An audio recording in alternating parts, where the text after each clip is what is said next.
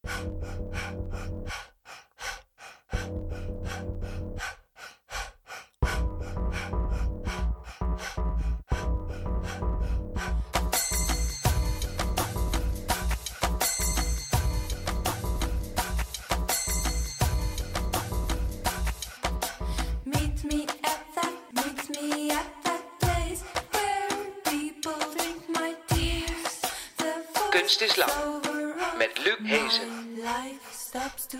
Goedenavond, welkom bij Kunst is Lang, het interviewprogramma over hedendaagse kunst. In samenwerking met Mr. Motley, het online kunsttijdschrift. Je hoort ons nu op Amsterdam FM of later via podcast. En we zijn nu live te volgen op Facebook via de pagina van Motley.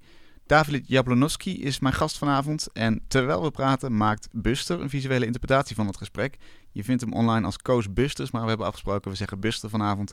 Dus eh, eh, Buster it is. Hij is onlangs afgestudeerd aan de Rietveld Academie, maar zijn keramiek is nu al bij Galerie Fons Welters in Amsterdam te zien. Hij maakt bijvoorbeeld oud-Nederlands Delfts-blauwe borden, met daarop alles wat hij niet leuk vindt. Of keramieke versies van hele triviale alledaagse dingen, zoals flessen schoonmaakmiddel of uitgedrukte sigarettenpeuken. Vanavond maakt hij iets heel nieuws. Wat het is, eh, weet niemand, maar hij is aan het tekenen en eh, daar gaan we straks eh, bij komen. Allemaal live te zien als je nu meekijkt via Facebook. En aan het eind van de uitzending hoor je over een project dat op crowdfund-website Voor de Kunst staat. Ruud filmt het bijzonder intieme ziekteverloop van zijn vader, die heeft dementie. En in de documentaire zien we wat dat voor effect heeft op zijn moeder, die de zorg voor hem draagt. Daarover dus straks meer, maar eerst David Jablonowski. Hij is hedendaags beeldhouwer die zijn werk koppelt aan de ontwikkeling van onze maatschappij en onze communicatiemiddelen. Zo plaatste hij in zijn, in zijn eerdere werk ouderwets gedrukte manuscripten voor boeken tegenover nieuwe computersystemen. En bestonden zijn eerdere installaties op het moment van maken uit de allernieuwste schrijven, beeldschermen, technische ontwikkelingen, maar vertellen die objecten inmiddels natuurlijk het verhaal van een verouderde tussenfase in die technische evolutie. En op dit moment maakt David veel beelden van een nieuwe koolstofvezel, een materiaal dat onze huidige honger naar een milieuvriendelijke industrie weerspiegelt. Het zijn bovendien metershoge sculpturen die via een 3D-printer gemaakt kunnen worden, een techniek die mogelijk voor een revolutie in de productie van goederen gaat zorgen. Zomaar een paar voorbeelden waarop zijn beelden een relatie leggen met dus de technische en maatschappelijke ontwikkelingen waar we in zitten. David, welkom. Ja, hartelijk bedankt. En eh, bedankt ook voor de uitnodiging om vanavond hier te zijn. Ehm, introductie die je hebt gedaan, inderdaad. eh, nou, volledig. nee, eh, vooral ehm, ja, misschien voor het, voor het een of an- andere idee, misschien nog een beetje abstract, zeg maar. Ehm, Nou, laten we het concreter maken. precies. Want jij verbindt je sculpturen aan de nieuwe ontwikkelingen, zei ik al, die we in onze Mhm. maatschappij ondergaan. Je hebt bijvoorbeeld een werk dat gebaseerd is op de structuur van de internet. Misschien Mhm. is dat een lekker voorbeeld om mee te beginnen. Ja, precies. Structuur van internet is eh, ja, vrij eh, ja, een algemeen begrip, zeg maar. Maar ik heb in ieder geval het internet laten, mijn werken laten beïnvloeden, bijvoorbeeld. En dat heb ik eigenlijk al gedaan sinds 2010. Hoe gaat dat in En zijn werk?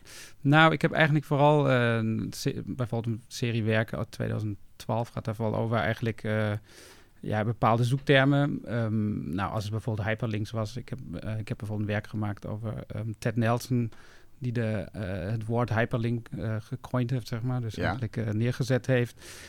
Ik heb hem on- ondertussen ook een keer ontmoet bij Google Headquarters in Londen. Oké. Ehm, en ehm, precies, eigenlijk kwam ik daar eigenlijk zo verdubbelingen tegen. Dus zelfs bij het zoeken naar hyperlinks, zeg maar, werd ik onderhevig aan, aan mijn zoekopdrachten, zeg maar, die ik daarvoor heb gebruikt. Mhm. Hyperlinks kwam daartussen. Eh, als ik op de website bijvoorbeeld was, ehm, eigenlijk zo'n beetje een oude encyclopedie van het internet waar eh, hyperlinks in stond, kreeg ik uiteindelijk reclames gekoppeld, eh vouchers toegestuurd. En die koppeling ben ik eigenlijk eh, achteraan gegaan, zeg maar. Dat, dat wilde je gaan onderzoeken. Dus het idee Ja. dat je via een hyperlink, dus een soort van, van, van code, en dat vertaalt zich naar een, eh een onderstreept woord hè, in- Ja. op, een- op een website. Als je daar doorheen klikt, Precies. word je gelinkt aan een ander deel van het internet. Juist, en dan eigenlijk, eh, ja, eigenlijk die links ook ben ik letterlijk gevolgd. Dus die zijn, nou, ze af en toe in een oeps, hè, dat die website bestaat niet meer. Dus dat was eigenlijk een soort dead end. Ja. Maar dan eigenlijk ook bijvoorbeeld van, eh, ja, oh, je hebt net naar Marmer gekeken. Hier, Alibaba heeft die en die Marmersoort net in de aanbieding. Kijk maar daarna en dan aangeklikt, gekocht. En eh, omdat ik dat gekocht heb, kreeg ik weer andere informatie toegestuurd. Die bijvoorbeeld over de nieuwste displaytechnologieën zeg maar, gaan. En, eh, eh, en zo is er eigenlijk een soort web ontstaan, zeg maar. Uit materiaal die ik dan uiteindelijk ook naar mijn studio heb laten komen. Eh, en informatie die uiteindelijk ja, terug te vinden was, zeg maar, in mijn algoritmes.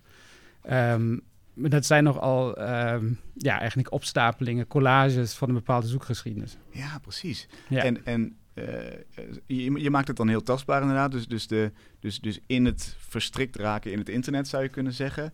Ja. eh, kun, je, kun je materialen bestellen die in de fysieke wereld iets betekenen. En, Ja. en zo gaat die, gaan die een link met elkaar aan. Ja, pre- precies. Of eh, een ander werk bijvoorbeeld heb ik gemaakt. ehm, dat was een. dat heb ik in New York bijvoorbeeld gemaakt. eh, waar ik bezig was met een IBM-computer, ThinkPad. En dat was een speciaal ontwerp wat me interesseerd heeft, de Butterfly. Waar eigenlijk een soort toetsenbord uitklapt, zeg maar. Zo'n icoon, zeg maar, design-icoon, wat ook eh, al in het heelal was, zeg maar. En wat in de MoMA in de collectie staat. En Als in ruimtevaart. Precies, ja, ja Ah, inderdaad. En daar heb ik eh, een aantal van gekocht toen ik in New York was. Ehm, en, ehm, en eigenlijk dat heeft zich ook weer zeg maar, in mijn zoekgeschiedenis eh, doorgezet. En ik bijvoorbeeld eh, op zoek gegaan waar het ontwerp vandaan komt. En dat kwam eigenlijk door een eh, ontwerper uit München die net voor IBM werkte in Tokio. En die was middags bij de, eh, bij de lunch en heeft gewoon een bento box gegeten, zeg maar. Zo'n, ik bedoel niet de box, maar de inhoud. De Japanse, de Zo'n Japanse lakbox verpakte, zeg maar. En daardoor is eigenlijk een ontwerp ontstaan van de IBM ThinkPad. En ehm, nou, ik heb eigenlijk wou precies zo'n collage maken... waar je echt zo'n zo'n bento-box hebt met een sushi en die computer. Eh, dus ik heb naar fake sushi gekeken om het uiteindelijk eh, naar een werk te maken, zeg maar. Een collage daarmee te maken. Eh, maar daardoor dat ik naar fake sushi zocht, kreeg ik de hele tijd vouchers voor sushi-aanbiedingen. En en bijvoorbeeld één die ook, toen ik dan op, in de zomer bijvoorbeeld even in Amsterdam was, Europa voor tentoonstelling, kreeg ik eigenlijk op iedere locatie waar ik op dat moment was, zo'n sushi-vouchers, zeg maar. Dus Ja. je kon eigenlijk aan de hand van de reclames die ik op die locaties krijg, kon je eigenlijk zien waar, waar ik uiteindelijk was in die zomer en waar het werk zo meest ontstaan. Dus dat heb ik uiteindelijk weer uitgeprint op folies. Eh, die zijn in, eh, nou, eigenlijk een soort acrylaat- en glasinstallaties terechtgekomen. Dus je ziet eigenlijk een soort driedimensionele desktop van zoekgeschiedenis en van, eh, ja, van objecten die daaraan gekoppeld zijn. En ehm, in welke mate vind jij dat internet dan een soort van medemaker is? Want het is bijna een dialoog in dit Ja. geval. Precies. Nee, ik zie het ook in, in die opzichten eigenlijk als een soort, nou, ongewilde assistent, zeg maar. Ja, ja. Of juist gewilde assistent. Dus Ja. eigenlijk eh, is er inderdaad een, een dialoog gaande, zeg maar. En ehm, ja, dus, en dat, dat vond ik ook wel interessant daaraan. Dat je eigenlijk een soort terugkoppeling hebt die je normaal niet hebt, zeg maar. Die, eh, die, eh, die ook niet traceerbaar is uiteindelijk. Hè? Waar het uiteindelijk waar, wat gekoppeld wordt. Dus eigenlijk een soort toevalstreffer, zeg maar. En ehm één tentoonstelling bijvoorbeeld, eh, daarmee was ik eigenlijk bezig net dat ik klaar was van, de, van mijn studio, eh, studie bij de ateliers in 2009. Dat, die tentoonstelling heette Materiaalcontingent. Nu ga ik best wel eh, ver terug, zeg maar. Dus het is echt eh, negen jaar terug is het precies.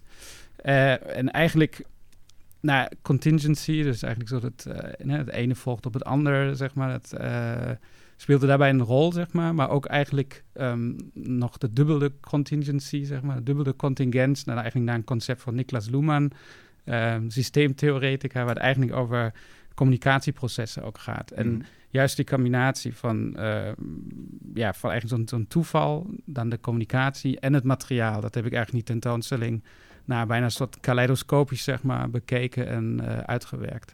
Want jij hebt eigenlijk, zou je kunnen zeggen, eh, gevangen wat dat proces is in, jou, in je beelden. Dat heb, dat heb je een vorm gegeven en dat kun je nu als installatie zien. Maar je zou kunnen zeggen dat iedereen zijn leven hierdoor beïnvloed wordt. En, en dan op een onzichtbare manier. Of in ieder geval mensen merken dat niet zo op. Ja, nee, dat is inderdaad in principe precies wat, wat ook mijn interesse is in sculptuur. Dat het eigenlijk een soort toegevoegde waarde door de fysiekheid eigenlijk eh, geeft, zeg maar. Dus in plaats van dat het ja, in jouw, in jouw in- zoekgeschiedenis opduikt en net zo goed ook weer weg is, zeg maar, is het eigenlijk zo'n soort eh, monu- monument of een momentopname, zeg maar, van een bepaalde, van een bepaalde geschiedenis. En ook juist dat, eigenlijk ook zelfs het verweren daarvan, eh, dat had je ook heel even in je introductie aangesproken, ehm, eigenlijk zo'n ehm, ja, zo'n soort onderhevig zijn aan de, aan de nieuwe technologieën, aan trends, zeg maar.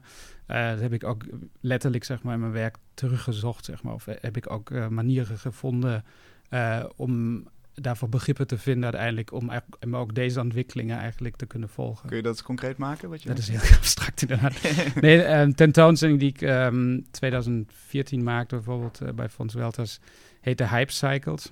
En Hype Cycles is eigenlijk een, nou, een soort instrument van Gartner, heet het bedrijf. Die maken zo, zo marktonderzoek en future prediction. eh, nou, zo, eh, nou, eigenlijk nou, met vrij abstracte materie eigenlijk ook bezig.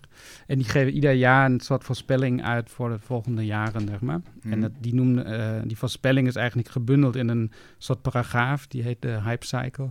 Waar je eigenlijk technologieën ziet eh, in, een, nou, in een soort diagram op welke plek ze eigenlijk net zijn. Dus ik zeg maar, ehm nou, 3D-printen was eh, zes jaar geleden was het eigenlijk helemaal in de stijgende lijn. Van wow, wat, wat is er allemaal mogelijk? Mhm. Dan heb je eigenlijk de piek. Hè? En daarna komt de, de, de dal van de desillusie, noemen ze dat. Dus dan is het eigenlijk zo van, oké, je hebt een 3D-printer, ja, daar kan je een sleutelaanhanger van maken, oké, niet zo boeiend. En dan komt een eh, moment van ehm, slope of enlightenment, noemen ze dat eigenlijk, een soort van eh, fase waar eigenlijk een, waar een technologie eh, rijp wordt, zeg maar. Dus ik zeg maar, bij 3D-printen heb je, hè, wordt het uiteindelijk nieuwe technologie, technologie wordt geboren door... eh, ja, lichaamsdelen printen of de vliegtuigindustrie gebruikt het ondertussen voor, voor onderdelen voor vliegtuigen bouwen over de Ja. hele wereld. Dus het wordt toegepast uiteindelijk. En nou, eigenlijk zo'n soort trendcurve, zeg maar, dat vond ik spannend om te volgen. En dat is bijvoorbeeld ook onderdeel geworden van een hele installatie. Dat zorgt ook weer voor een heel nieuwe beeldtaal natuurlijk, omdat jij een deel niet kan controleren en dat, dat, hè, dat, dat moet uit die systemen komen. Ja. Eh, voor het deel wat je wel kan controleren, hoe, hoe eh, toegankelijk moet dat zijn? Hoe, hoe goed moeten mensen kunnen volgen wat die interactie was tussen jou en die systemen? Hmm. Ja, dat is precies. Daar heb je het eigenlijk inderdaad over die interactie en over de eh, ja, het verleidelijke zeg maar van die beelden. En nou, wat ik spannend vind is eigenlijk dat het vooral een soort transparantie, transparantie ehm, eh, beoogt, zeg maar. Dus eigenlijk kan je het hele verhaal zien, zeg maar. Maar ook het idee van, eh, van uitsluiten speelt ook een rol bijvoorbeeld daarin. Dus ik heb bijvoorbeeld eh, naar meerdere, in meerdere talen gezocht bijvoorbeeld. En die ook weer terug vertaald met Google Translate. Dus in het Chinees, het Arabisch en het Engels. Dus als je die tentoonstelling binnenkomt en onderdelen leest, zeg maar, kan je dus ook, of je beheerst alle drie talen, kan je ook niet de hele informatie krijgen die in een, in een beeld eigenlijk zit.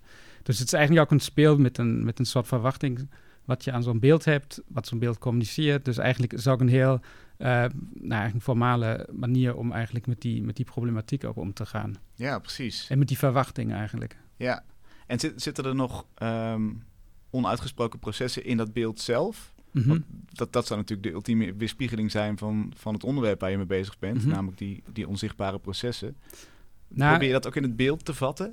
Nou, die, ze zijn zeg maar in, in de informatie zelf zijn ze zeg maar zichtbaar. Dat is het vooral maar. En eh, ja, die manier, hè, dat, eh, dat vind ik ook belangrijk. Dat, dan, ja, dat, dat, die aantrekking maar komt, misschien door die complexiteit. Dat je door meerdere folies bijvoorbeeld heen kan lezen. Dat je eigenlijk die driedimensionaliteit krijgt van tekst, wat je normaal eigenlijk niet hebt. Hè. Mhm. Ehm, en eh, ja, dat herinnert mij bijvoorbeeld ook qua vorm aan een idee van eh, het Xanadu-project bijvoorbeeld. Een van de grootste falende internet-ideeën, zeg maar, die ooit zijn ontstaan. Ook van die Ted Nelson, die die hyperlinks heeft eh, mee ontwikkeld, zeg maar. Schrijf Ehm, je me eens kort? Wat het ja, eigenlijk het idee is dat je alles wat op internet is eigenlijk terug kan volgen, zeg maar, naar, de, naar zijn bron. Hij heeft het eigenlijk eh, bedacht, eigenlijk dat je als een soort, nou, een soort driedimensioneel internet eigenlijk hebt, waar je altijd die bronverwijs hebt. Dus het hele idee met micropayments bijvoorbeeld ook voor tekst, eh, quotes die je kan gebruiken, heeft hij eigenlijk al heel vroeg bedacht. Dat snap ik niet, dat laatste. Ja, bijvoorbeeld, ehm, nou, je hebt een tekststuk, daarin gebruik je een citaat. En dat citaat is niet ergens weggeplukt, zeg maar, van een andere website of van een, eh, ja, van een andere website.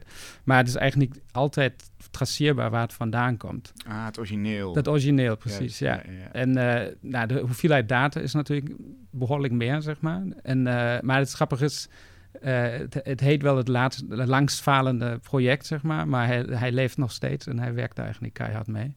En om het nog steeds te lanceren eigenlijk. En het is wel, nou, het is wel in die zin ook een soort utopische, ehm, ehm, nou, eigenlijk idee geweest om het internet uiteindelijk te plaatsen in een, in een, op een manier dat eigenlijk alles traceerbaar is. Dus. En ook daardoor nog transparanter zal zijn. En dat komt in jouw werk terug doordat je, doordat je drie doorzichtige lagen hebt waaronder het origineel ligt. Ja, dat is wel één manier dat ik eigenlijk die soort strategie gebruik, dat je het eigenlijk kan volgen. Uh, wat behoorlijk moeilijk is, omdat eigenlijk iedere webpagina is gewoon eigenlijk een, ja, het is gewoon een pagina die maak je open en die doe je daarna, knul je die, zeg maar, uh, en dan doe je hem weer weg. En dan verder heb je eigenlijk geen, uh, kan je het verder niet traceren, zeg maar. Ja, ja. Ik heb uh, me laten vertellen dat jij de trends op, op, de meest bijzondere plekken vindt. Bijvoorbeeld in een bezoekerscentrum van Ford in, in Amerika of, of op vakbeurzen. Ja. Wat, wat, wat vind je daar? Kun je eens een voorbeeld van zo'n vakbeurs bijvoorbeeld? Um, vind, ja, dat is inderdaad best veel wat ik daar vind. Um, nou, één bijvoorbeeld is de um, Technibeurs, of Technifair heet dat volgens mij in Utrecht. Die is om de twee jaar de grootste beurs zeg maar, in Benelux voor, voor, um, voor technieken, zeg maar, verschillende meetmethodes. Uh, computergevreesde frezen, uh, computergestuurde frezen, 3D-printen en alles wat daarbij hoort. Eigenlijk zo'n beetje de, ja, de, toekomst eigenlijk in, van productie, als je het zo wil. Van, ja, precies. En wat ik daar interessant vind is bijvoorbeeld dat er, eh, nou, dat is een best gemengd publiek. Dat er zijn techneuten, daar zijn uh, bouwvakkers ook, die dan bij de stand van Makita kijken en daarna zich een, uh, eigenlijk een robot bekijken die bijvoorbeeld precies het werk kunnen doen wat zij nu nog aan het doen zijn. Dus het zijn, ah. Je kijkt eigenlijk op heel veel verschillende manieren eigenlijk naar van wat, wat gebeurt er, wat voor mensen zijn daar. Maar ook heel letterlijk van hoe is een, hoe is een machine vormgegeven. En uh, wat voor dimensies worden bijvoorbeeld gebruikt daarvoor. Of hoe, zij, hoe ziet de behuizing uit. En dat zegt vaak eigenlijk iets over, over de staat van, van die techniek ook eigenlijk uit. En in hoeverre je zo'n object ook als esthetisch object bekijkt. Ja, dat snap ik allemaal. En uh, ook de, de technische interesse. Maar wat zegt het over, over ons? Want, mm -hmm. want je bent volgens mij ook bezig met wat voor, wat voor maatschappelijke waarde dat dan heeft. Ja, nou bijvoorbeeld 3D-frezen bijvoorbeeld. Of uh, computerfrezen, zeg maar. Um, heeft degelijk een, een, een, input op de manier hoe je iets reproduceert bijvoorbeeld. Hè? Dus uh, nou, mijn stelling is bijvoorbeeld ook een beetje in hoeverre de fotografie zeg maar, de schilderkunst heeft afgelost, zeg maar, door het reproduceren van een uh, realistisch feit. Mm -hmm. uh, is 3D scannen bijvoorbeeld en 3D printen eigenlijk precies hetzelfde geworden, of 3D frezen. Dus dat je eigenlijk ieder object gewoon eigenlijk kan reproduceren. En de handschrift van de kunstenaar bijvoorbeeld uh, komt daardoor eigenlijk onder druk te staan, zou je kunnen zeggen. Dus bijvoorbeeld een, uh, een, een, sigarettenpeuk hè, die, die Buster tentoonstelt, die zou je kunnen inscannen, die laat je printen door een 3D-printer. En, en, daarmee is, is Busters taak overbodig geworden, of daarmee is, is dat object gemaakt. Ja, nou, het stelt in ieder geval nieuwe vragen rondom reproduceerbaarheid, die eigenlijk uh, best wel oud al is, bijna een, een eeuw oud, zeg maar. Yeah. Maar eigenlijk opnieuw uh, bekeken moet worden. En toch zijn het, uh, ja, zijn het in ieder geval processen, zeg maar, die, nu heb ik het alleen maar over um, reproduceerbaarheid in de kunst bijvoorbeeld, maar ook, ja, men denkt aan de geprinte wapens die mogelijk zijn, die overal op de wereld, als je de juiste plastics hebt, zeg maar, gemaakt kan worden. Ja. Uh, maar ook, um, ja, eigenlijk ook fabriekprocessen bijvoorbeeld, die uiteindelijk um, waar mensen overbodig worden, wat uh, nog zeer veel meer in de toekomst uh, over, overgenomen zal worden door, um, door, door techniek. Door en techniek. En, en dat beeld dat je schetste van die, van die bouwvakker die eigenlijk naar zijn eigen vervanging aan het kijken is ja. op zo'n beurs. Hoe, hoe zou zoiets terecht kunnen komen in je werk? Hoe zou, hoe zou je dat vormgeven? Uh, dat is een interessante vraag. Um, in die zin heb ik daar, misschien is het ook dat wat mij dan ook weer terugschrikt, zeg maar, van zo'n beurs bijvoorbeeld ook. Hmm. Um, uh, ik heb bijvoorbeeld eigenlijk de laatste twee jaar bijvoorbeeld ook, het laatste jaar bijvoorbeeld, in de, en ik zeg nu heel vaak bijvoorbeeld, maar in de, in de openbare ruimte in Amsterdam, die carbonwerken die ik daar heb gemaakt, die zijn voor een groot deel ook weer eigenlijk echt met de hand gemaakt. Dus dat, dat is zeg maar een, een materiaal wat uit de technologie komt. Uh, ja, de lichtbouw, zeg maar. En wat ik daar ook interessant vond, is bijvoorbeeld dat uh, het materiaal uh, eerst in de, in de racesport bijvoorbeeld was. Eigenlijk een soort high competition materiaal eigenlijk. Formule is. 1 of zo? Ja, Formule 1, precies in de, racefietsen. Ja. En en eigenlijk nu, omdat het ja, door de lichtheid eigenlijk een andere interpretatie krijgt. Het wordt als duurzaam gezien bijvoorbeeld. Omdat het licht is uh, en je daarvan auto's kan maken. En vliegtuigen zijn ook al bijna 60% uit carbon.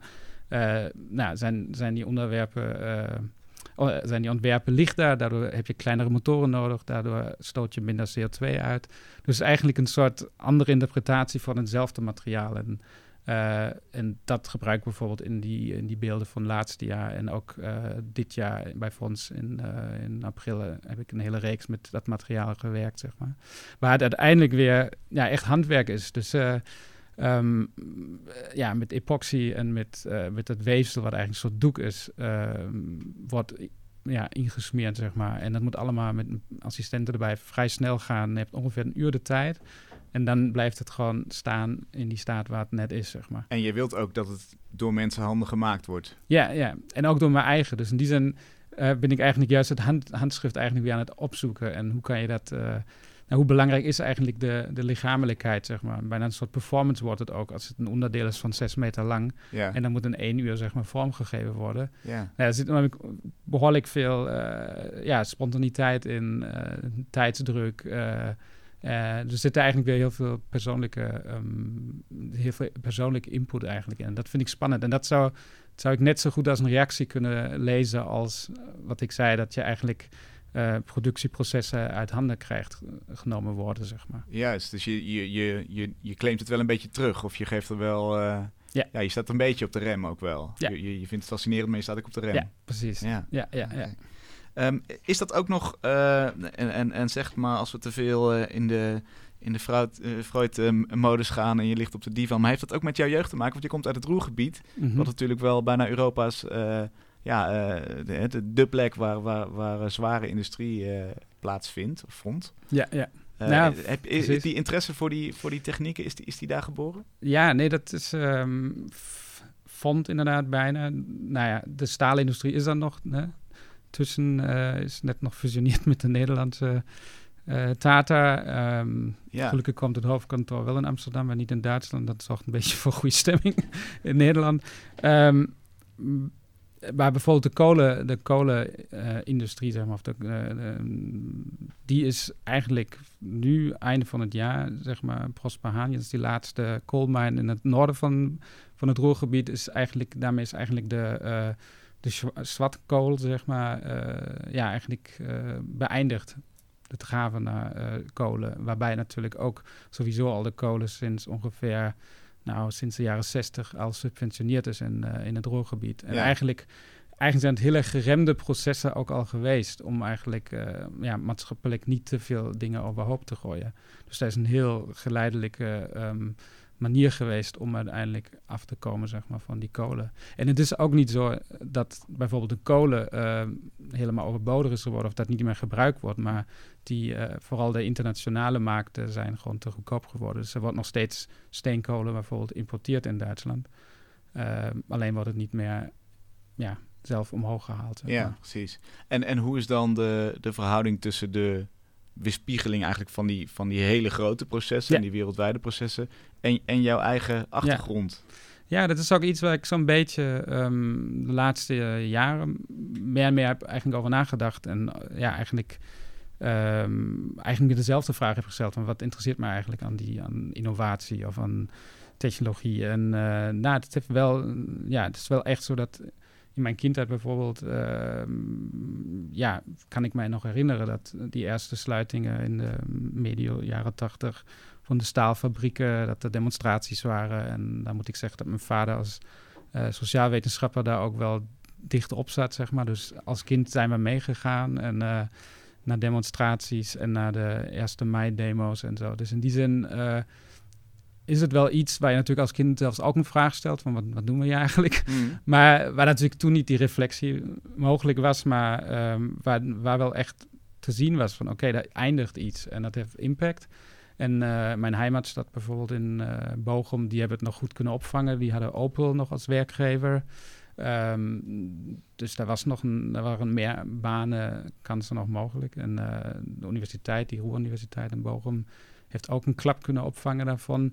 Eh, maar ja, goed, het is een, een, eh, een, een enorme proces waar eigenlijk iedereen mee bezig is. En waar eigenlijk eh, nou, Europa de laatste jaar tienen mee bezig was uiteindelijk. En, zou je zeggen dat jouw eigen instelling in, in die werken belandt? Of je eigen affiniteit daarmee? Of, of is het vooral een beschouwend...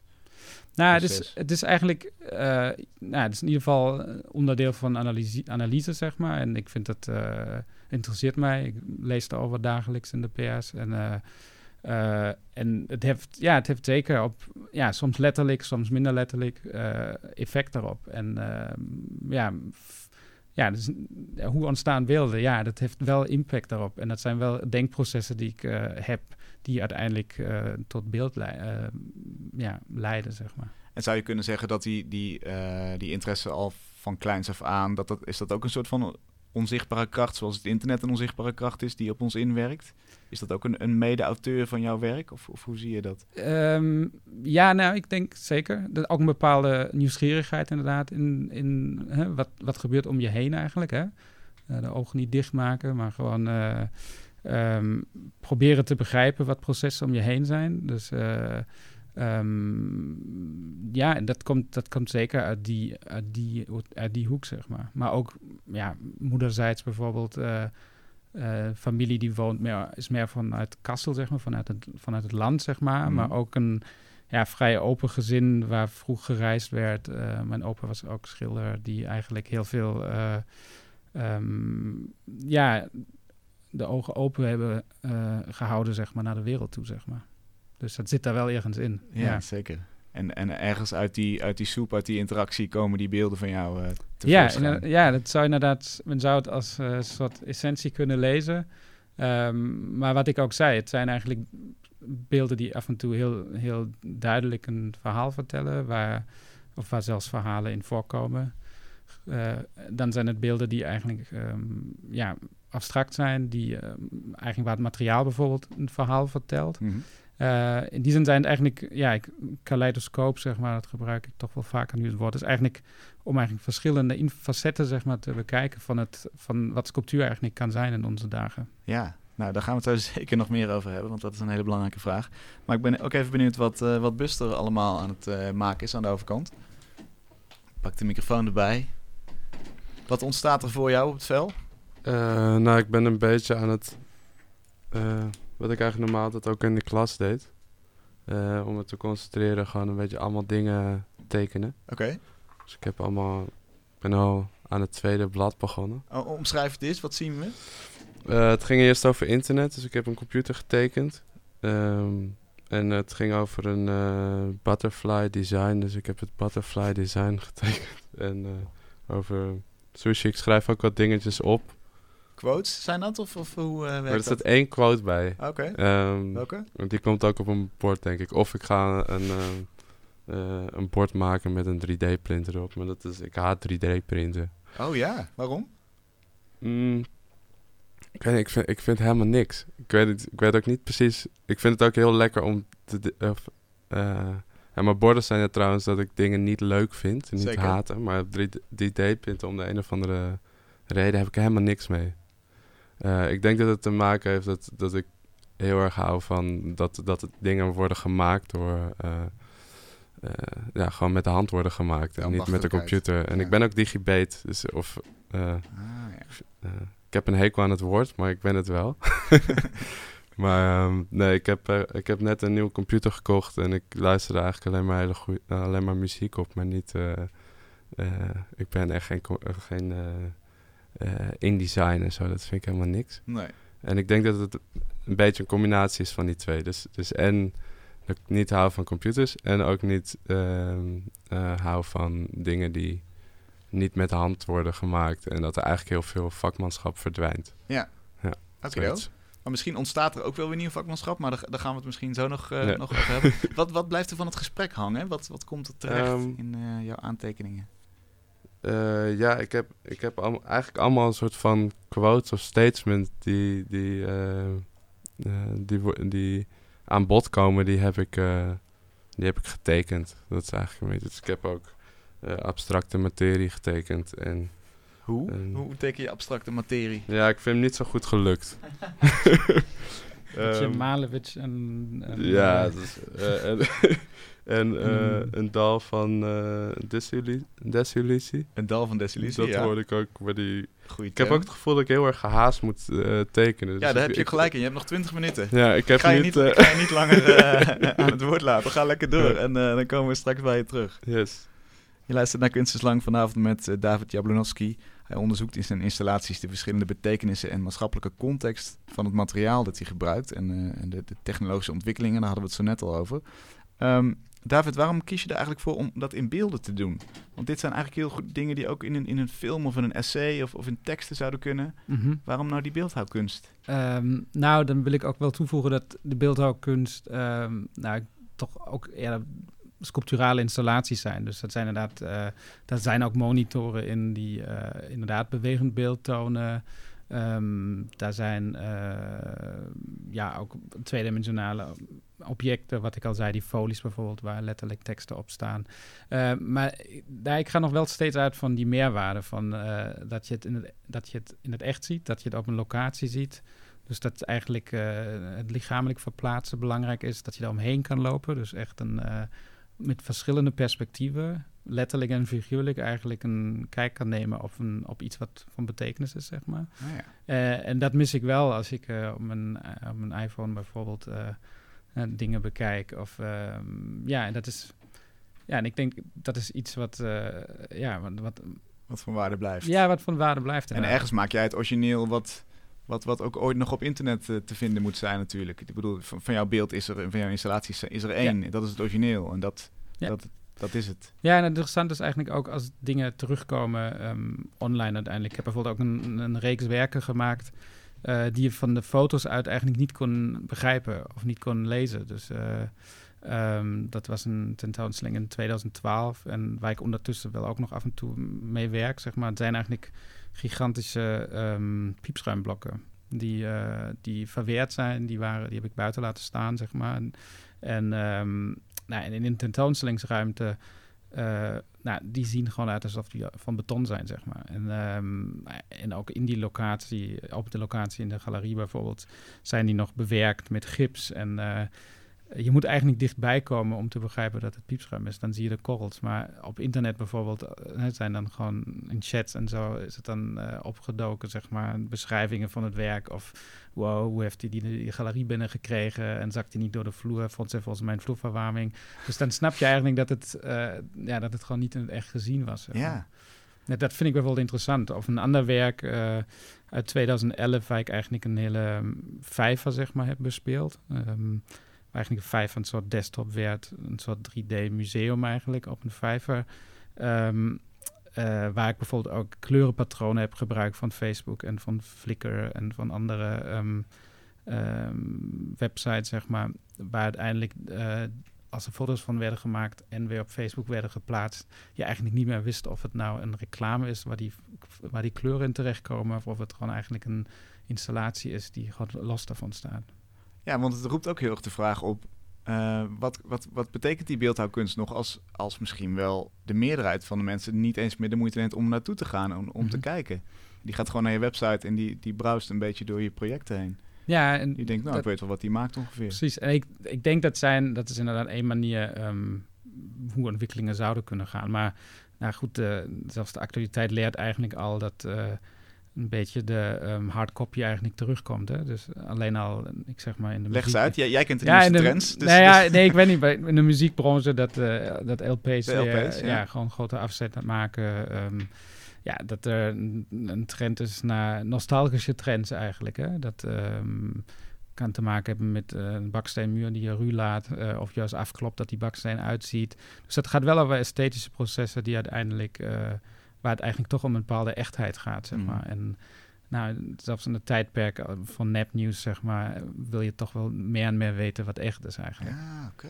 Dus het is, een, het is een grote brug die ik sla, maar ik denk wel, ik denk wel, ehm, ja, ik denk wel dat dat, een, dat dat betekenisvol is, zeg maar. En dat eh, sculptuur daar een absolute bijdrage aan kan, voeren, aan kan voldoen, zeg maar, daarin.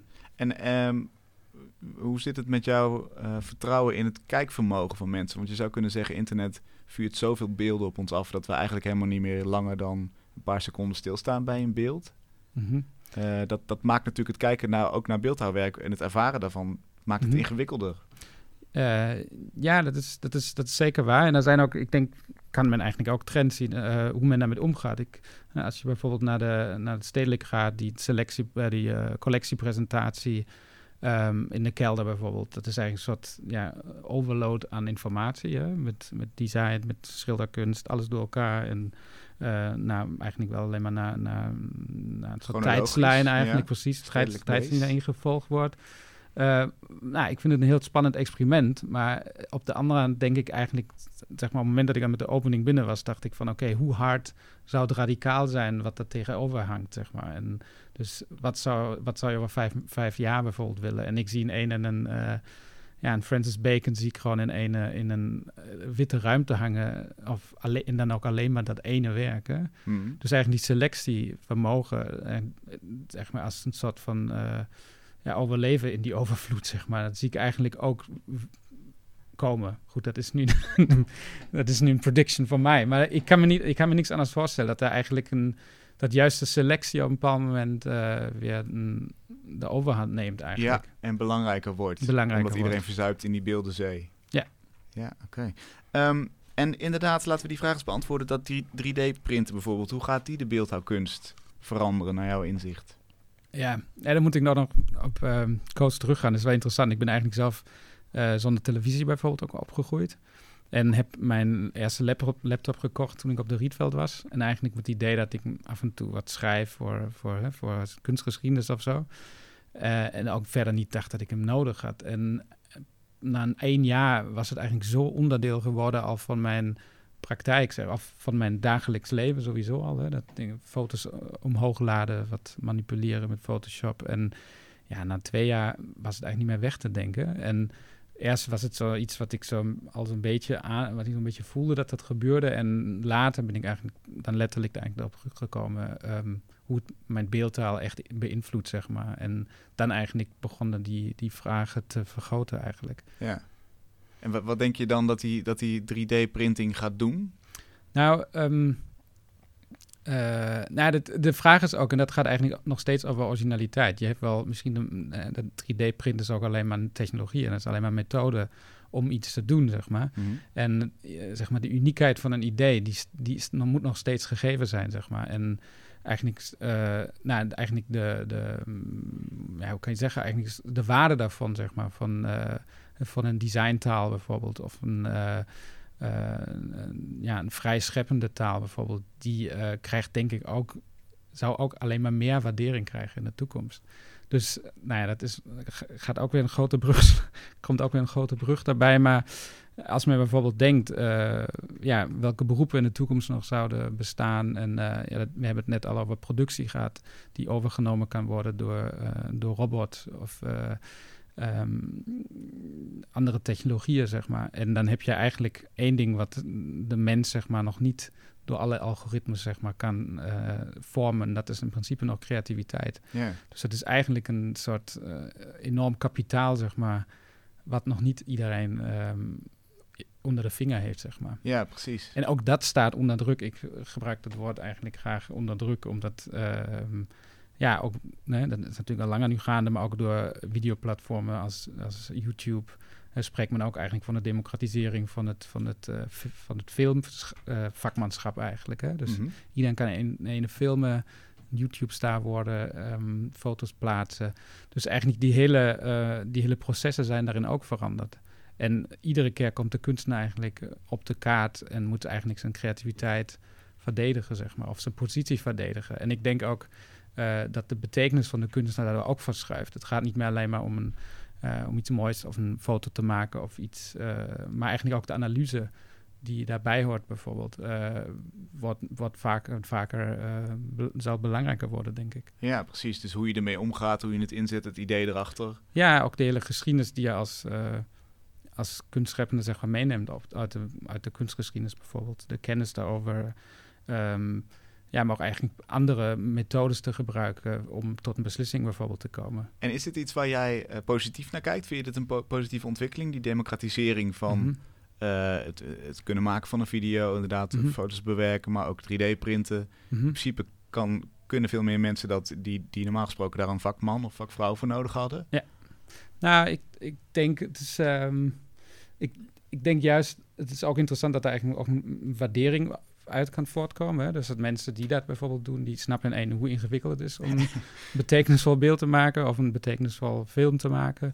Ehm, dat is het ene. Eh, en het andere is eigenlijk ook dat, ja, dus dat daar eigenlijk een bepaalde vakmanschap bij hoort, zeg maar. Eh, en verder ook nou ja, andere ontwikkelingen bijvoorbeeld. ehm, ja, of laat zeggen, zulke ontwikkelingen die hebben natuurlijk ook eh, een tegenhanger, zeg maar. En ik denk dat eh, in de laatste twee, drie jaar, zeg maar, is, wordt, werd, is het ook duidelijker en duidelijker geworden eh, wat ook de grenzen zijn daarvan natuurlijk. Hè? Als men denkt aan, aan de eh, politiek geladen stemmingen in Duitsland bijvoorbeeld op dit moment, hè, wat eigenlijk toch via, de, via het internet ook gevoed wordt. nou, Oh, dat een hele politieke veranderingen, zeg maar, die daarmee eens gaan. En waar eigenlijk ook de, ja, de, de, grenzen zichtbaar worden van wil je dat eigenlijk als maatschappij? Moet je daarvoor beschermd worden? En, dus dat vind ik eigenlijk ook heel spannend. En daar is zeker weten een, ehm, een verandering ingekomen in die perceptie. Dus daarvoor was een soort, nou, een soort eh, open enthousiasme van alles is mogelijk. En eh, langzaam komen we op de grenzen terecht, zeg maar. Ja. Maar is het bijvoorbeeld zo dat jij je als kunstenaar bedreigd voelt door, door het wegnemen van, van barrières om iets te maken? Of denk jij, ik, eh, ik heb mijn eigen onderscheidende vermogen nog wel, mijn creatieve vermogen? Ja, nee, ik denk, ja, in die zin denk ik, geloof ik wel inderdaad in, die, in, het, eh, in, de, in de waardering van het kunstenaarschap, zeg maar. En ook in de, ehm, ja, uiteindelijk wel in dat creatieve vermogen om abstracte processen misschien zichtbaarder te maken, om die eh, op, een, op een manier duidelijk te maken die misschien ook niet, ook hoeft die niet één te één leesbaar te zijn, maar in ieder geval ook meer kan zijn dan alleen maar informatie, maar bijvoorbeeld ook ja, op, op andere manieren te stimuleren, zeg maar. Ja, want, want wat, wat zou je omschrijven dat het, het doel van jouw werk is? Be- Behalve interessante dingen maken of, of, of Mhm. wil je echt processen blootleggen? Wil je mensen informeren? Mhm. Ja, dat is ja, een goede vraag. Ik denk, nou, ten eerste, en dat vind ik ook belangrijk, dat er sowieso eerst van de beelden aan zich een bepaalde eh, nieuwsgierigheid gekweekt wordt. Hè. Dat, of het is in het materiaal of in de huid of in een, wat ik al zei, in een aantal informaties, zeg maar, die je al denkt te kunnen lezen. Eh, dus eigenlijk een beetje het eh, ja, AIDA-effect, zeg maar, van attention, interest, desire, action, zeg maar. Dus eigenlijk zo die volgorde van, van stappen die je moet zetten om een, om een kunstwerk te bekijken. Hè, En dan uiteindelijk eh, of kennis mee te nemen of een gevoel mee te nemen. Dat kan eigenlijk, kan eigenlijk allebei zijn. Daar ben ik niet eh, bepalend in. Mhm. Ehm, en toch zou je kunnen denken dat, dat, dat als je die sociale achtergrond hebt en je bent geïnteresseerd in die onbekende processen, dat er ook Mhm. een, nou ja, ze net zei je al, ik, ik, ik trap op de rem in de zin van dat ik mensenhanden mijn werk wil laten maken. Mhm. Dat, daar zit toch een soort van, waarschuwend is het niet, maar er zit wel een soort van terughoudendheid in. Nou, ik denk dat is een, een, eh, een, menselijke manier om daarmee om te gaan. Het is een, nieuwsgierigheid, het is een terugschikken, het is weer langzaam naartoe gaan. Dus in die zin is het eigenlijk, ja, is het een, echt een, een, eh, een, eh, een beweging, echt een, golvende beweging, die vooral ervoor zorgt dat ik, dat ik gewoon alert kan blijven en goed daarna kan kijken. Een educated opinion eh, zou er bijvoorbeeld ook goed bij passen. Hè? Dat je eigenlijk ja, dat je echt iets afweegt voordat je het echt eh, ehm, ja, uiteindelijk ook beoordeelt. Ja. Ja, en, en wat daar ook nog in datzelfde scala natuurlijk een optie is, is wat je in Friesland gaat doen. Een, een heel, groot, eh, heel groot werk waar je eigenlijk de energietransitie ook Wil bespoedigen eigenlijk. Hè? Dus dat is weer in plaats van op de rem te trappen, kun je het ook inzetten om het te laten versnellen natuurlijk. Ja, dat, dat is een, je- dat is een mooi voorbeeld. je- ja, precies. Eh, nou, dat worden eigenlijk een, eh, ja, wat is het, ongeveer een 1 hectare groot gebied, zeg maar. Eh, het is een, mm, mm, eigenlijk zo'n beetje zo'n niemandsland, zeg maar. Zo tussen periferie, snelweg, kaaphoelplek, een woonwijk, een stuk land, zeg maar. Ehm, ik uiteindelijk een, ja, een beeldenpark eigenlijk ga maken. Dat worden vier zuilen, bestaande eigenlijk uit hei, heipalen die van deel de grond ingaan en voor 20 meter de lucht ingaan. En die worden uiteindelijk bekleed met, eh, met zonnepanelen. wel iets specialere, zeg maar. Met een soort goud en een soort pink tint eigenlijk. Oké. Eh, verder nog met daglicht-LED's worden die bespeeld. En nou, het wordt eigenlijk een soort verticale energiefabrieken, zeg maar, die haak staan op het natuurlijke landschap wat er omheen is. Eh, wat uiteindelijk weer een, ehm, een blote voetenpad wordt. Dus het Wat wordt een, ja, ehm, dat is nog alleen nog kennen. Nee, dat is eigenlijk een, ja, een soort eh, voor kinderen gedacht eigenlijk, maar ook zo'n beetje voor back to nature, zeg maar. Dus eigenlijk eh, een soort kleine wandelroute met, eh, met eh, splintertjes of met eh, hout of met water of met modder. Dus eigenlijk een ervaringsgebied, zeg maar. Ehm, Waar je de natu- natuur weer ervaart. ja, precies. Ja, Ah, ja. En met dat idee moet ik zeggen, kwam niet zelf, maar dat in de buurt is al één die ik eigenlijk doortrek in mijn werk. Dus ik eh, heb uiteindelijk reageer ik op de, op de staat zeg maar, van een park die daarnaast al is. Eh, nou, en wat ik daar eigenlijk ook spannend vind, is dat het werk letterlijk gewoon energie opwekt. Dus het zijn 40 panelen. Ehm, was, is nog de discussie hoe we dat precies eh, gebruiken. Eén idee is dat je het gewoon letterlijk eh, in de auto stopt, zeg maar, bij die, bij die eh, carpool in de buurt. Mhm. Uh, maar ook um, naar de refinanciering bijvoorbeeld, of de financiering van het kunstwerk zou daarvan uh, gedaan kunnen worden. Dus uh, de elektriciteit zou teruggaan naar het stroomnet en de gemeente, ja, die verdient daar gewoon geld op, zeg maar. En ik heb het al doorgerekend, die, wordt, je moet echt wel, die moeten lang volhouden, die Moet panelen. lang staan, ja. Maar het is in ieder geval een idee om eigenlijk ook um, ja, met een openbare, um, nou eigenlijk zo'n esthetiek ook eigenlijk op een andere manier te introduceren, van zo'n zonnepaneel bijvoorbeeld. Maar ook eigenlijk zo die, uh, ja, zo'n beetje die lompe opmerking, wat levert zo'n kunstwerk eigenlijk op, gewoon letterlijk te beantwoorden, zeg maar. Ja. En, uh, nou, en, maar die achterliggende ideeën zijn, gaan wel iets verder, dat het eigenlijk hele landschap daar gevormd is door, uh, door veenwinning, wat uiteindelijk weer verbrand werd om, ja, om energie uh, op te wekken. Mm -hmm. In het verleden en eigenlijk in die zin eigenlijk ook een spiegeling is van die eh, energietransitie.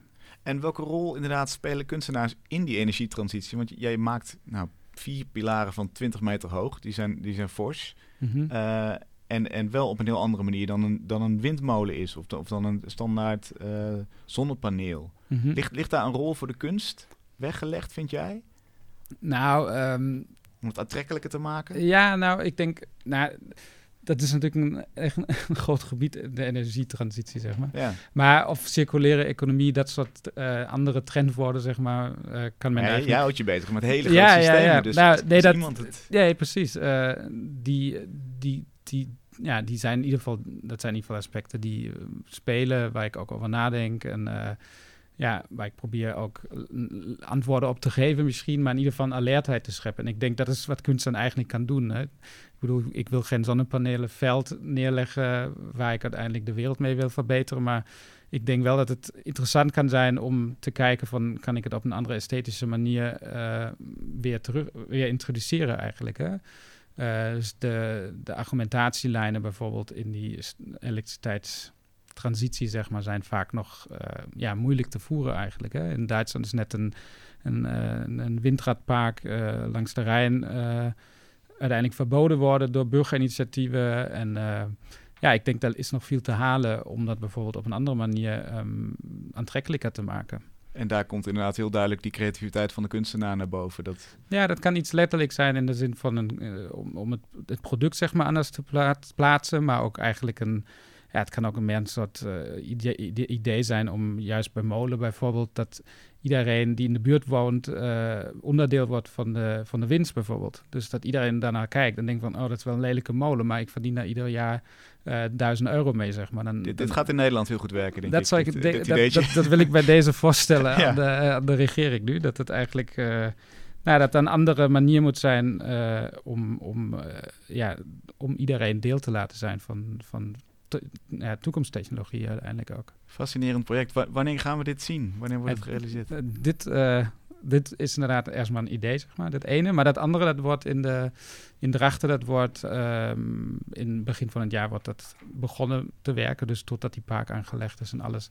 Ik denk dat het medio volgend jaar ongeveer uh, er moet staan. Ja, 4 keer 20 meter de lucht in. En bij welke plaats lag het in de buurt? Bij Drachten. Bij Drachten in de ja, buurt. precies. Kan niet missen. 4 keer 20 nou, meter, ik denk, denk niet dat het kan missen. Of s'nachts niet, nee. Wester, pak de microfoon erbij. Hoe, hoe, uh, hoe is het afgelopen bij jou?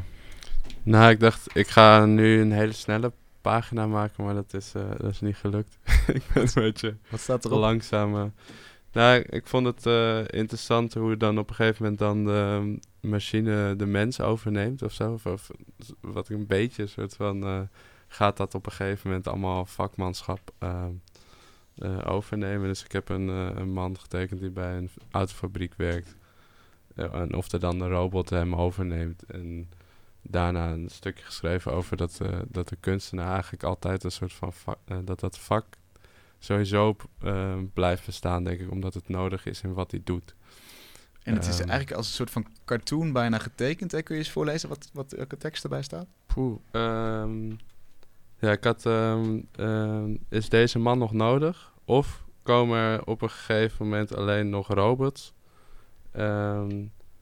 En dan heb ik hierboven staat Mr. Motley sneller, nog sneller pagina 15 minuten. En dan daarna, daaronder staat dan heel klein, eh, lukt een minuut, wordt, wordt een langzame pagina. Oké. Eh, en dan heb ik, eh, heb ik David en mij getekend. En dan de kunstenaar blijft sowieso. David is namelijk nodig in zijn werk. Eh, en dan tussen haken staat ik ook. Want als je mallen zou maken van mijn werk, dan werkt het niet. Oké.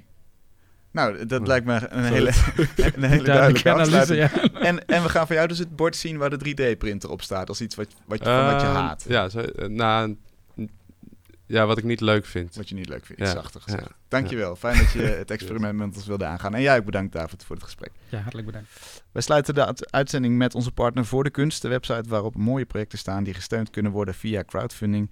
En dit keer is dat een bijzonder intieme documentaire. De vader van Ruud Lensen heeft dementie. Zijn moeder zorgt voor hem, maar de ziekte trekt een zware wissel op hun relatie. Ruud, welkom. Ja. Wat is het te merken aan de ziekte van je vader?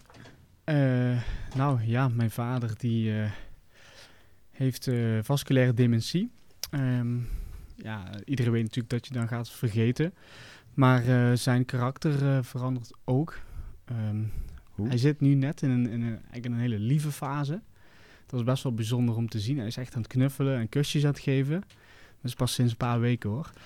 En daarvoor zat een hele lange achterdochtige fase. Waarin hij dacht dat, eh, dat mijn moeder affaires had. En eh, dat er geld gejat werd. Oh, en, eh, dus ja, dat heeft een voortdurende ja, werking op, op het gezin. Ja, wat is dat, dat effect? Want hij woont thuis bij je moeder nog. Woon jij daar nog Ja. in? Nee, nee, ik woon wel dichtbij. Dus dat is, dat is erg handig, eh, nu ik aan het filmen ben geslagen. Maar ja, mijn moeder, die, eh, kijk, in eerste plaats is zij natuurlijk haar man eh, langzaam aan het, aan het verliezen. En ik ben natuurlijk langzaam mijn vader aan het verliezen. Ehm, dat is natuurlijk al kut eh, voor, voor ons allen. Ja. Ehm, maar mijn moeder wordt ook steeds meer, eigenlijk ehm, ja, zit ze gevangen in die situatie. Want ze kan pap niet meer alleen thuis laten. Mhm. Dus, en ze zit nu net op een leeftijd waarop ze vriendinnen en familie eigenlijk weer ziet genieten van het leven. Ze krijgen allemaal een vrijheid, een pensioengerechtigde leeftijd. Ja, en zij raakt steeds meer opgesloten. Dus dat, dat zorgt voor frustraties. En eh, mijn moeder zit er best wel vol. Eh, dus dus dat, zij balanceert continu, zeg maar, op een scheiding tussen zorgzaamheid eh, voor pap, maar ook ja, frustratie Ja. door pap. En, en ja, nou, daar gaat mijn film ook over. Namelijk die worsteling van een mantelzorger. Ehm, ja, als je een partner hebt eh, met dementie. Ja. En wat, wat maakte dat je zoiets intiems wil filmen inderdaad? Want het is natuurlijk een heel, ja, het is het, eh, een onwijs intense relatie tussen, tussen je ouders. Ja, ja. Ja, goede vraag. Kijk, de, toen die diagnose kwam van pap, eh, toen vielen een aantal dingetjes natuurlijk op zijn plek. Ehm, we hebben dat lang proberen te ontkennen wat er aan de hand was. Ehm, toen ja, haalde ik het. Ik was toen al eh, filmmaker, maar ik haalde het he- me helemaal niet in mijn hoofd om daar een documentaire over te gaan maken. Want ik dacht van ja, er zijn er wel genoeg. Eh, maar eh, dan ben je twee jaar verder en dan zie je eigenlijk pas. ehm, ja, dan, dan gaat. Dan, gaat de, ja, dan zie je de uitwerking. En hoe, hoe mijn moeder ook een ja, slachtoffer wordt. En wat ik ook mooi vond aan hun situatie en waarom ik het echt wilde filmen, is eigenlijk eh, de wei van mijn vader. Want dat is een soort paradijsje, dat is een, ja, een familie-erfstuk van, eh, van hem geweest, waar hij eigenlijk zijn hele leven, ja, zo'n beetje na het werk eh, was hij daar te vinden. En elk weekend was hij daar te vinden. Ik en mijn zus als kinderen ook, onze, onze kinderfeestjes, later vuiven, alles deden wij in die wei. En ehm, ja, dat is eigenlijk best wel een mooie metafoor voor... enerzijds een metafoor voor zijn, eh, voor zijn toestand, zeg maar. Het land verwildert nu. Paarden zijn al weggemoeten. Hij kan het niet meer verzorgen, hij Ja, kan het niet meer Nee, bijhouden. nee Mhm. het, ja, het wordt steeds moeilijker. Ehm, maar het is, ook, het is ook een extra zorg, een, grote extra zorg voor mijn moeder. Ehm, zij wordt in die eh, wereld eh, betrokken van die wij was eigenlijk nooit zoveel eh, mee te maken had. Ja, alleen de lusten van had, nooit de lasten en nu wel. Dus het, het is eigenlijk ja, de arena van de film, eh, die wij. En dat vond ik wel heel erg mooi om het op die manier aan te vliegen. Daarnaast wilde ik die film ook echt maken, omdat ik gewoon zag hoe, eh, hoe je als mantelzorger zeg maar, ja, kan lijden onder dementie. En ehm, ja, hoe, hoe zwaar eh, de last kan zijn. Dus ik moest daar een film over maken. Ja, en het is ja. natuurlijk ook een verhaal wat je niet zo heel vaak hoort, bezien vanuit de kant van de mantelzorger. Want iedereen heeft uiteraard en eh, medelijden, maar ja, dat het ook irritant kan worden of dat het je kan beknotten, is natuurlijk iets wat, wat misschien eerder weggemoffeld wordt dan dat dat breed uitgevent wordt. Ja, precies. Ehm, dat denk ik ook. En ehm, ja, het is. Ik vind het heel bijzonder dat ik als zoon zo dichtbij kan staan, zeg maar, bij mijn hoofdpersonen. En dat, dat ga je natuurlijk ook wel terugzien in de film. Ik wil het zo intiem mogelijk maken.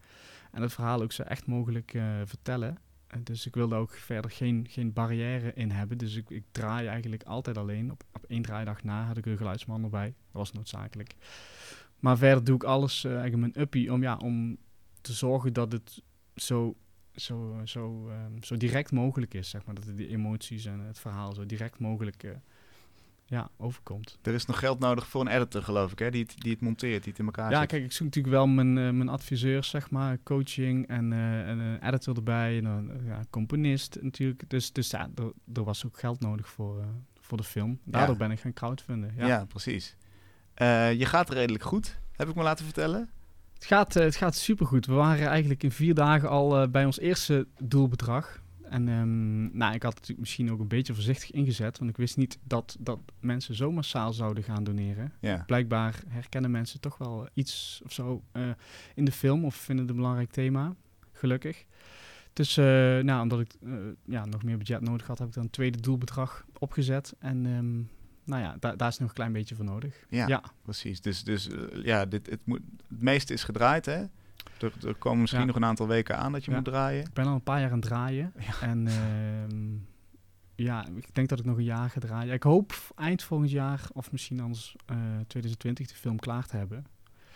En, en, En- de grens zou zijn dat je vader naar een verzorgingstehuis moet, vertelde Ja, je nee, eh, ja. net buiten de uitzending, hè? Ja. Ik, ik denk dat ik het verzorgingshuis eh, niet meer ga filmen. Die fase, daar gaat mijn film niet over. Kijk, als, die, als paps wij wordt afgenomen of hè, verkocht wordt, als hij het niet meer kan... Dat markeert voor mij eigenlijk een beetje het einde van pap, of in ieder geval de vader zoals hij was. Ja. En eh, daarmee denk ik ook het einde van de film. En hoe mijn vader en moeder dan omgaan met die leegte. Voor mijn moeder denk ik positief, voor mijn vader ja, negatief. Of in ieder geval, ja, dat, dat verwacht ik. ja. Dat is het einde van de film. Het wordt volgens mij een fascinerend verhaal en een heel mooi eh, intiem project. Dankjewel dat je dat verhaal wilde delen. Ga naar voordekunst.nl en zoek op wij. Dus niet wij met een lange ei, maar met een, eh, korte ei. Ja. En daar vind je hem. Tot zover Kunst is Lang voor deze week. Ga naar mrmotley.nl als je meer informatie wil over het werk van David. En dan zie je ook wat Buster hier live tekenen. Wij zijn de volgende week weer met Jair Kalender. Graag tot dan.